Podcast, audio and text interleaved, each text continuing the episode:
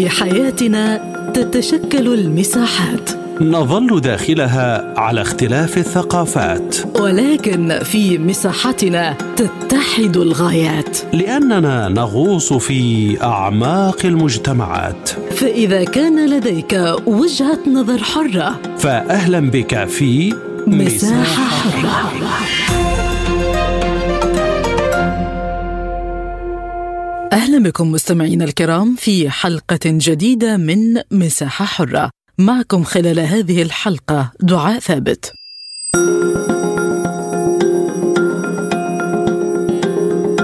تعهد المانحون في مؤتمر جنيف للاستجابة الطارئة للأزمة في السودان بتقديم مساعدات إنسانية بنحو مليار ونصف المليار دولار. وعقد مؤتمر المانحين للسودان رفيع المستوى 2023 عبر الاتصال المرئي برئاسة مشتركة بين المملكة العربية السعودية ودولة قطر وجمهورية مصر العربية وجمهورية ألمانيا الاتحادية ومنظمة الأمم المتحدة ممثلة بمكتب تنسيق الشؤون الإنسانية أوتشا والاتحاد الأوروبي والمفوضية السامية لشؤون اللاجئين. وبحسب الأرقام التي أعلنتها الأمم المتحدة تعهدت الولايات المتحدة بتقديم 550 مليون دولار بينما تعهدت فرنسا بتقديم حوالي 45 مليون دولار. بينما تعهدت ألمانيا المشاركة في تنظيم المؤتمر مع الاتحاد الأوروبي وقطر ومصر والسعودية بتقديم 200 مليون يورو بحلول عام 2024 وفي كلمته خلال الاجتماع عبر الأمين العام للأمم المتحدة أنطونيو غوتيريش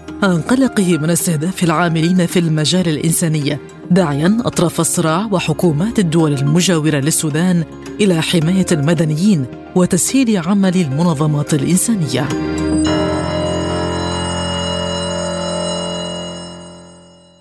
للتعليق على هذا الموضوع ينضم إلينا من الخرطوم الخبير الاقتصادي الدكتور محمد الناير. دكتور محمد بعد التحية. تعهدات بواحد ونصف مليار دولار مساعدات إنسانية للسودان خلال مؤتمر المانحين هل تكفي لإنقاذ الوضع في البلاد وماذا عن المبادرة المصرية القطرية؟ بسم الله الرحمن الرحيم. بالنسبة لتجارب السودان مع مؤتمرات المانحين لم تكن تجارب جيدة. كثيرا ما بادر المانحين في فترات سابقة للسودان وحدث التزامات بدعم السودان في ظل ظروف متعددة. ولكن للأسف الشديد أي تعهد يتعهد به الشركاء الدوليين أو المانحين لم يتم الوفاء به على الإطلاق. وبالتالي ما أعلن عنه من واحد ونصف مليار دولار كمساعدات إنسانية للسودان لا أتوقع أن تأتي هذه المبالغ وأن لا يتم بالإيفاء بهذه المبالغ في الوقت المناسب الذي يعتبر يعني الشعب السوداني في حوجة لهذه المبالغ بصورة كبيرة. بالنسبة للمبادرة المصرية القطرية بشان المساعدات الانسانيه أمر جيد ولكن هذا الأمر يحتاج تحركات عاجلة ويحتاج إلى مساعدات إنسانية عاجلة. آليات وصول المساعدات هناك الوساطة الأمريكية السعودية رغم تحفظ كل الشعب السوداني على الهدن التي تم الاتفاق عليها ولم يحرز أي تقدم فيها كان يفترض أن يتم الاستفادة من أي هدنة تم الاتفاق عليها في وصول المساعدات ولكن للأسف لم يتم إيصال أي مساعدات خلال الفترات التي تم الاتفاق عليها. هل يمكن أن تصل المساعدات للمتضررين في ظل الوضع القائم؟ وهل يمكن التعويل على هذه المؤتمرات في ظل عدم التوصل لحل سياسي؟ بالنسبة لوصول المساعدات يمكن أن تصل المساعدات لا توجد مشكلة إذا تم ترتيب هذا الأمر. بالنسبة للذين فروا خارج البلاد من المفترض أن يكون هناك عون من المجتمع الدولي لهؤلاء باعتبارهم أنهم خرجوا من السودان تحت ظروف الحرب. ولكن ختاما أنا أرى إنه هذه المؤتمرات لا تفيد كثيرا قياسا بتجارب السودان السابقة سواء حينما تم توقيع اتفاقية السلام الشامل قبل انفصال جنوب السودان أو خلال فترة انتقالية عقد حوالي ثمانية مؤتمرات لشركاء السودان الدوليين ومساعدة السودان ولكن للأسف الشديد لم يحصل السودان على أي شيء حتى الآن. دكتور محمد الناير الخبير الاقتصادي شكرا جزيلا على كل هذه الإيضاحات. وينضم إلينا من الرباط الخبير الاقتصادي الأستاذ رشيد الساري. أستاذ رشيد بعد التحية هل يكفي الدعم المالي من قبل مؤتمر المانحين لإنقاذ الوضع الإنساني والاقتصادي المتردي في البلاد؟ لأن الأمم المتحدة أعلنت أن احتياجات السودان من المساعدات تفوق ثلاثة مليارات دولار. يجب التأكيد على أنه اليوم الوضع بالسودان هو يعني كارثي وكارثي جدا ولكن بالعودة إلى ما قبل هذه الحرب التي تدور رحاها بين يعني الجيش السوداني من جهة وقوات الدعم السريع من جهة أخرى. يجب التأكيد بأنه كانت هناك من مجموعة من المعدلات الكارثية لأن اليوم يعني كنا نتحدث في السابق عن معدلات تضخم وصلت يعني سنة 2022 إلى أكثر من آه تقريبا 200% من معدلات تضخم.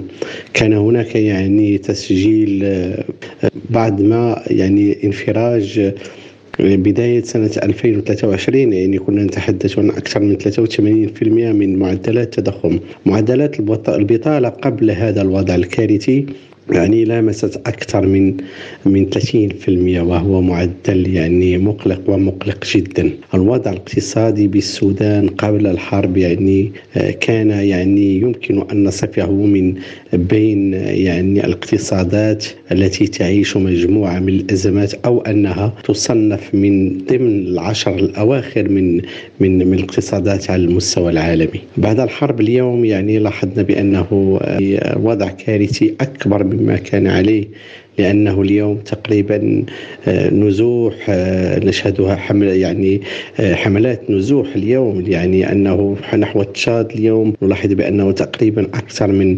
149 ألف نازح نحو تشاد نلاحظ بأنه في الدول المجاورة أكثر من نصف مليون نازح. نلاحظ كذلك بأنه يعني داخل السودان عملية نزوح أكثر من مليون وسبعمائة ألف. الوضع اليوم يعني المتردي داخل السودان يستلزم يعني ميزانية كبيرة. اليوم حددت تقريبا يعني توقعات تشير بأنه السودان اليوم في حاجة إلى أكثر من 3 ملايير دولار. هذا يعني اجتماع المانحين أو مؤتمر المانحين يعني يحدد بأنه سوف تكون هناك يعني منحة يعني في حدود 500 مليون دولار. هل سوف تكفي هذه المنحة؟ في اعتقادي الشخصي لن تكفي لمجموعة من الأسباب. اليوم الوضع الصحي كارثي وكارثي جدا لأنه اليوم لاحظنا بأنه أكثر من 75% من المستشفيات تعيش وضعا كارثيا وكارثيا جدا. نلاحظ كذلك بأنه عمليات الهدنة ووقف النار ووقف إطلاق النار بين الفئتين المجموعتين يعني دائما يتم يعني تكسيره أو يتم يعني عدم احترامه وهذا يؤدي إلى مجموعة من الأزمات على المستوى الداخلي. إضافة إلى هذا أنه اليوم يعني ممكن أن تصل الوضعية بالسودان إلى أسوأ ما هي عليه يعني أن تصل إلى حدود المجاعة لأنه اليوم هناك مجموعة من التحديات على المستوى الأمن الغذائي للسودان وأظن بأنه الوضع اليوم كارثي وكارثي جدا. أظن اليوم يعني هناك يعني توقعات أن يعني أن تصبح الوضعية أكثر كارثية ولا شيء يعني في الأفق يظهر أو أنه يمكن أن نقول بأن الوضعية في السودان سوف يعني تعيش انفراجا على اعتبار أن هناك تمسك للجيش من جهة ولقوات الدعم السريع من جهة بمواقفهم. وأظن بأنه من كان يعتقد بأن الوضع سوف يستمر لشهر أو شهرين. ربما يعني أنه الوضع سوف يستغرق سنوات وسنوات على اعتبار أن هناك متدخلين يعني خارجيين يعني هناك تدخل لمجموعة من من من الأطراف الخارجية لاعتبارات لأجندات لسنا نعلمها بشكل اليوم. الوضع داخل ينبئ يعني إشكالية كبيرة وينبئ بأنه الوضع حتما لن يعيش انفراجا على المستوى الآني ولكن ربما أظن بأنه يستلزم الكثير والكثير من الوقت. تحذيرات من تأثير الأزمة الإنسانية على دول الجوار. ما التداعيات الاقتصادية على دول الجوار جراء الأزمة؟ حتما الوضع الحالي سوف يؤثر على على دول الجوار. على الأقل لأنه اليوم النزوح هو كبير من السودان إلى مجموعة من دول الجوار. هذا سيؤثر بشكل كبير على هذه الدول من من خلال تأمين الغذاء من أجل يعني تامين آه، الجانب اللوجستيكي من أجل كذلك يعني الوضع الأمني لهذه الدول سوف يصبح مهددا بشكل كبير.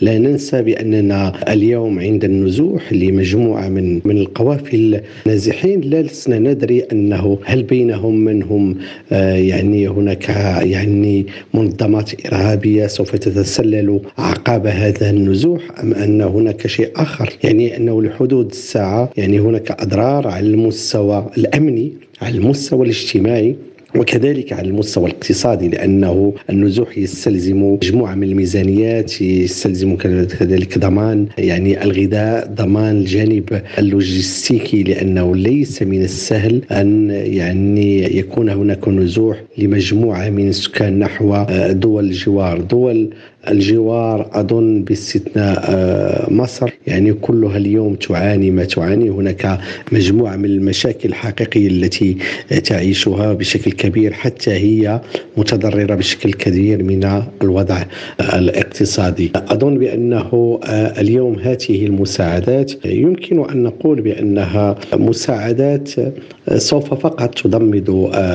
الجراح سوف تساعد بشكل أخف من يعني أو الحد من ما تعيشه السودان من ويلات هذه الحرب ونؤكد بأنه آه، اليوم المشكل الحقيقي للسودان لم يأتي مع هذه الحرب التي تدور رحاها داخل السودان لأنه اليوم هذه الحرب يمكن آه، أن نقول بأنها ليست حرب بين آه، يعني نظامين عسكريين بقدر ما أنه اليوم يمكن أن نقول بأننا نتحدث عن حرب أهلية حقيقية. المساعدات اليوم آه، رغم أنها يمكن أن نقول بأنها محدودة ربما ربما تساهم في الحد من من يعني من المجاعة من الحد من الوضع المتردي ولكن السؤال المطروح في ظل هذا الوضع الأمني المتردي هل يمكن أن تصل هذه المساعدات إلى من يستحق؟ هذا إشكال كبير يجب الإجابة عليه خصوصا وأننا بين فترة وأخرى نلاحظ بأنه الاتفاق حول الهدنة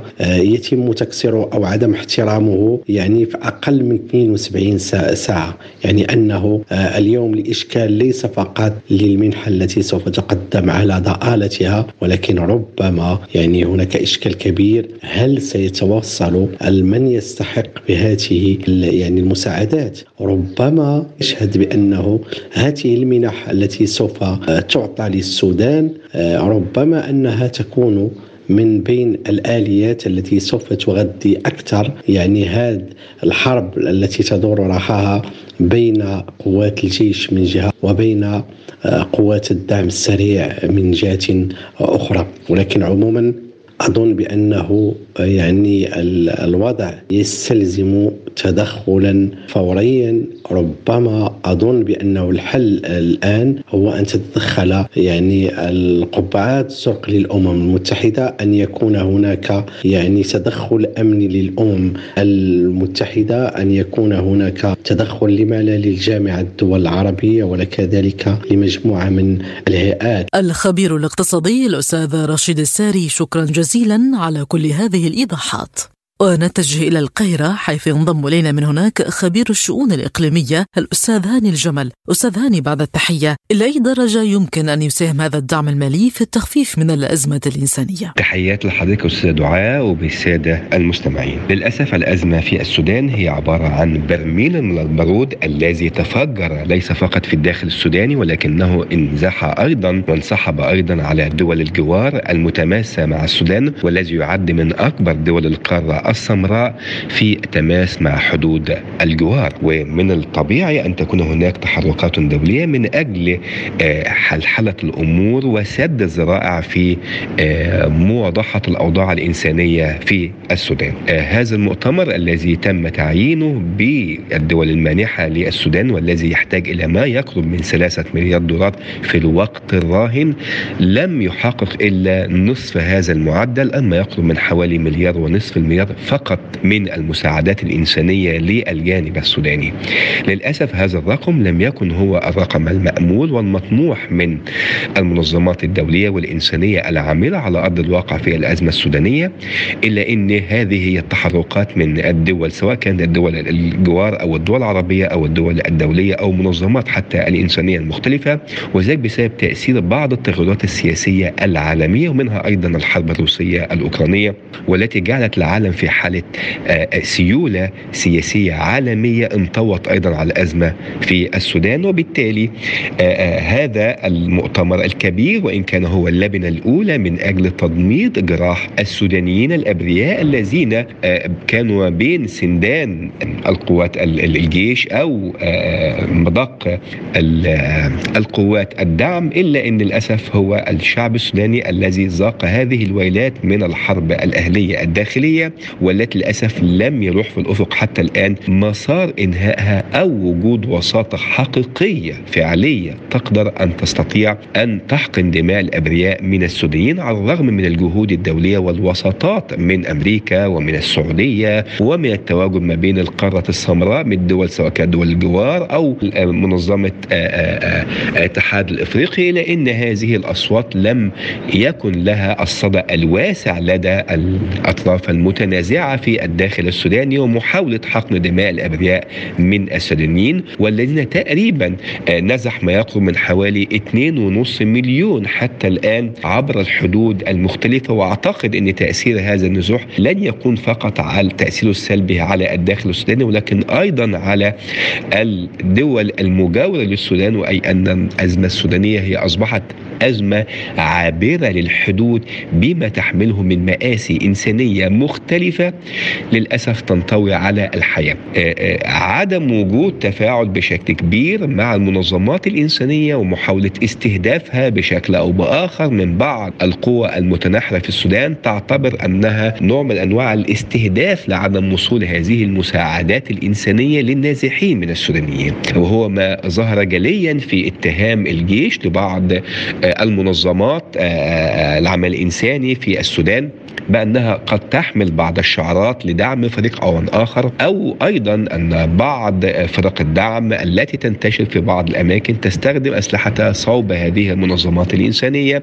ليس فقط من أجل عرقلة عملها الإنساني في عدم وصول هذه المساندات للشعب السوداني أو النازحين أو الذين تهدمت بيوتهم أو الذين للأسف لم يقدم لهم خدمة طبية متناسبة لهذا الوضع أي أن هناك شح في المساعدات الإنسانية والطبية. في المستشفيات المختلفة في الداخل السوداني ولكن أيضا للأسف هو إزعاج وتعطيل عمل هذه البعثات الإنسانية في نقل الجرحى والمصابين وكبار السن والسيدات إلى أماكن آمنة يستطيعوا من خلالها الحصول على خدمات صحية متوازنة. هذه المآسي الإنسانية لا تغطيها قوات دولية أو قوات إفريقية تحاول أن تحد من هذه الهجمات المستمرة والتي تعرقل للأسف عمل هذه المنظمات الإنسانية على أرض الواقع وبالتالي هو يؤدي أو يؤسس إلى تفشي أزمة إنسانية جديدة ليس فقط في قلة الغذاء وشح المواد الغذائية ووصولها للسودانيين ولكن أيضا ينسحب على الخدمات الطبية والصحية بل إنه أيضا يستمر إلى وجود نوع من حالات التحرش وحالات الاغتصاب الجماعي التي حدثت لعديد من السيدات السودانيات على أيدي الجماعات المتطرفة وحملات الدعم التي للأسف لا ترى حرجا في تصدير أزمة إنسانية وأخلاقية في الداخل السوداني. إلى أي مدى يمكن أن تمارس الأطراف الدولية الضغط على طرفي الصراع لإنهاء القتال والتوصل لحل سياسي نهائي؟ هناك محاولات من الدول الكبرى أو من أجل الضغط على الأطراف الفاعلة في الأزمة السودانية ولكن أعتقد أن أوراق الضغط التي تمتلكها الدول الكبرى لم تكن حتى الآن بالشكل الأمثل التي من المفترض أن تكون عليه في التعامل مع الأزمة السودانية. على الرغم من وضوح بعض الأطراف التي تحاول أن تزعزع أمن واستقرار السودان أو إنها بمعنى أصح لا تنطوي أو تنصاع لهذه الضغوط الدولية سواء كانت بالحوار مرة أو سواء كانت بالتلويح ببعض العقوبات الاقتصادية مرة أو بمحاولة إفشاء بعض أو كشف بعض الشركات الأجنبية أجنبية متعددة الجنسيات ورعبلة الحدود في أنها هي أيضا تسقي هذا الصراع الصراع الداخلي في السودان مرة إلا أن هذه الضغوط لم تصل بشكل كبير على الأطراف الفاعلة في النزاع السوداني ولم تحط من أوزار هذه الصراعات الداخلية والتي للأسف تستغل الأحراش المختلفة في الداخل السوداني من أجل أن تجد لها مساحة كبيرة في فرض سيطرتها وفرض كلماتها العليا في هذا الصراع مما يؤثر بشكل كبير جدا على التواجد في حلحلة هذه الأمور الداخلية السودانية. للأسف الدول الكبرى تمتلك من أدوات الضغط الكثيرة سواء كان بعقوبات مباشرة سواء كان بمنع إمدادات أسلحة متطورة أو سواء كان بإيفاد مجموعة من القوات العزل الدولية سواء كانت قوات إفريقية أو قوات الدولية أو حتى قوات تنتمي إلى إحدى الدول الكبرى التي لها يد الطولة في حماية بعض الأماكن. إلا أن هذه الدول الكبرى للأسف لم تنطوي في تنفيذ هذا القرار على أرض الواقع بشكل كبير لماذا؟ أعتقد أنها هي أيضا تريد أن يكون هناك إطالة لأمد وعمر الصراع في الداخل السوداني بل إنها فرصة أيضا لتقسيم السودان كما كانت تحلم بعض الدول الكبرى بهذا الشأن ومحاولة أن لا يكون هناك سودان موحد بل العمل على تقسيمه ما بين الشمال والجنوب والشرق والغرب وبالتالي يسهل على السودان أو يسهل على الدول الكبرى تقسيم السودان والاستفادة من ثوراته وجعله دائما في حالة صراع طائفي وديموغرافي كبير جدا. ليس فقط تأثيره على الداخل السوداني ولكنه أيضا يتحول في التأثير على دول الجوار وخاصة دول منابع نهر النيل ودول مصاب بنهر النيل وهو مشكل للأسف أزمة سياسية وأزمة أمنية استراتيجية للعديد من الدول في هذه المنطقة. بل إنه يؤسس إلى حالة جديدة من الصراع الإفريقي الإفريقي وبالتالي هذه الأزمة التي تحدث في السودان لن يكون لها تأثير مصغر في الداخل السوداني سواء حتى من محاولة لملمة الأمور ومحاولة المضي قدما إلى حياة ديمقراطية أو أن يكون هناك جيش موحد. لكنها للأسف هي برميل من الوقود الذي تم إطلاقه في هذه المنطقة حتى يتم الاستفادة منه في إشعال العديد من مناطق الصراع في القارة السمراء. وبالتالي زيادة أصوات المناطق في هذه المنطقة من القرن الإفريقي والتي للأسف تؤثر بشكل كبير على الأمن الاستراتيجي لمنطقة السودان ومنطقة القرن الإفريقي والتي تؤثر بالسلب أيضا على جسم القارة. ومن هنا يحدث نوع من أنواع إضعاف منظمة المنظمة الأفريقية والمنظمات الفاعلة في الداخل السوداني أو حتى نوع من أنواع الوساطات الإفريقية التي حاولت أن تلملم هذا الأمر. عدم وجود أوراق ضغط أو بالفعل أو بالأحرى أن عدم استخدام هذه الأوراق الضغوطية على الأطراف الفاعلة في السودان يجب أن ندرك أنها لها مأرب ولا هدف من إطالة هذا الصراع. وبالتالي للأسف أن يكون هناك ضحايا كبيرة سواء كان ضحايا من الأبرياء سواء كان إنهاك القوات العسكرية السورية سواء كان أيضا بتصدير أزمة غذائية في الداخل السوداني أو حتى كمان السيطرة على الثروات الطبيعية من الداخل السوداني بطرق غير شرعية تسمح للدول الكبرى من النهل من هذه الثروات دون الاستفادة منها في الداخل السوداني وبالتالي ضرب الحياة الديمقراطية التي كانت تحاول أن تؤسسها هذه المرحلة الانتقالية في التاريخ السوداني لكي تحدث نوع من أنواع النقلة السياسية النوعية الهامة في التاريخ السوداني الحديث ومن ثم تتحول إلى دولة ديمقراطية. لكن الدول الكبرى ترفض هذه الخطوات الإيجابية التي كانت تحاول أن تنتهج تنتهجها السودان في هذه الفترة الدقيقة من تاريخها وبالتالي لم ولم يكن لها الرغبة الكبرى في توافر هذه الأدوات الضغوطية من أجل إحلال السلام وحلحلة الأمر في الداخل السوداني ماذا عن المبادرة المصرية القطرية وأهميتها؟ أعتقد أن المبادرة المصرية القطرية هي تكمل المبادرة السعودية الأمريكية في هذا الشأن والمبادرة المصرية القطرية هي مبادرة إنسانية في الأول وفي الآخر وهي تعتمد دائما فأن يكون هناك أدوات إنسانية في الحفاظ على الدم السوداني والحفاظ على المقدرات السودانية والحفاظ على اللاجئين والنازحين السودانيين الذين للأسف تفرقوا ما بين شتات عبر الحدود. هذه المبادرة المصرية القطرية والتي كانت دائما تعتمد على إسكات صوت البنادق في الداخل السوداني أولا ومن ثم محاولة حصار وحصر هذه الأوضاع اللا انسانيه التي تعرض لها الشعب السوداني في سواء كان في الداخل أو عبر الحدود في أوضاع للأسف لم تستطع المنظمات الدولية تدوين كل النازحين وتسجيلهم بشكل أو بآخر أو محاولة للأسف أن يكون هناك رصد للأمراض النفسية والأمراض الاجتماعية التي أصيب بها النازحين. هذه عدم وجود السلامة النفسية التي للأسف تصيب بعض النازحين حاولت المبادرة المصرية القطرية أن يكون هناك دعم مالي للداخل السوداني ليس فقط هذا ولكن أيضا محاولة أن يكون هناك معالجة للاثار النفسية السلبية التي أصابت النازحين في هذا الشأن محاولة أن يكون هناك ردود إنسانية في التفاعل مع هذا الصراع. إلا إن للأسف الدول الكبرى التي ليست لها رغبة في تحقيق هذا لم تدعم هذه المبادرة المصرية القطرية والتي ما زالت مصر وقطر تحاولان حتى هذه اللحظة في إيجاد كينونة وخروج لها على أرض الواقع وتطبيقها بشكل أوسع. إلى إن أطراف النزاع في السودان للأسف لم يستخدموا صوت العقل من أجل إنجاح هذه المبادرة أو غيرها من مبادرات أخرى. هناك توجه يجب أن يصل إلى أطراف النازعة في المتنازعة في السودان. هو إحكام العقل وأن يكون تحكيم لمصلحة الشعب السوداني فوق المصلحة الخاصة لكل طرف عن اخر لأن هذا الطرف أو هذا النزاع المسلح ليست له قاعدة شعبية وإن كان في وقت أو آخر بدأ ياخذ صراع طائفي قبائلي في بعض مناطق النزاع وهو ما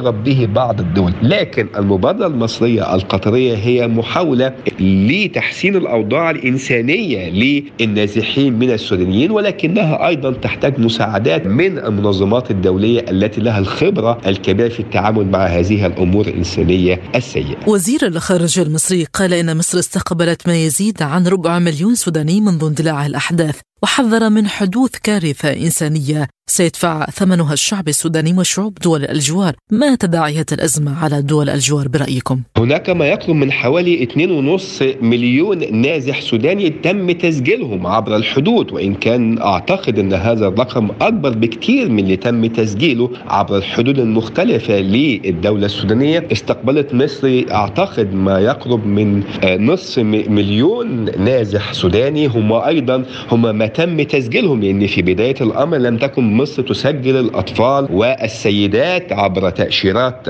رسمية. ولكن أيضا عندما ذهبت المنظمات المصرية الإنسانية في الحدود لاستقبال هؤلاء النازحين ومحاولة توطينهم وتسكينهم في أماكن أو تفويجهم في داخل البلاد المصرية. هذا الرقم الكبير وغيره من الأرقام الغير رسمية تؤكد أننا أمام كارثة إلا إن هذه الأمور لم تكن على الشكل الأمثل بسبب زيادة دخول ورغبات الدخول من الجانب السوداني للحدود المصرية في الوقت الراهن. وهو مشكل أيضا عبء على المعابر سواء كان قسطل أو أرقين.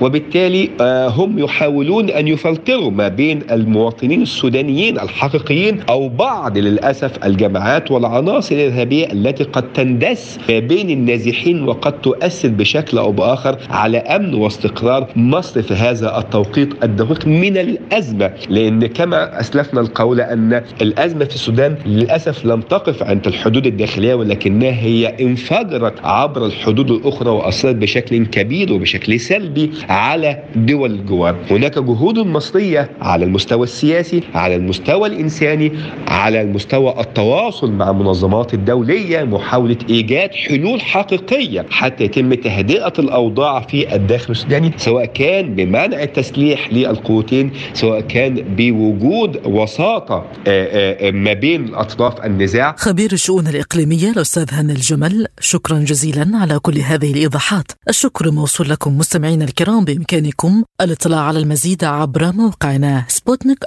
دوت اي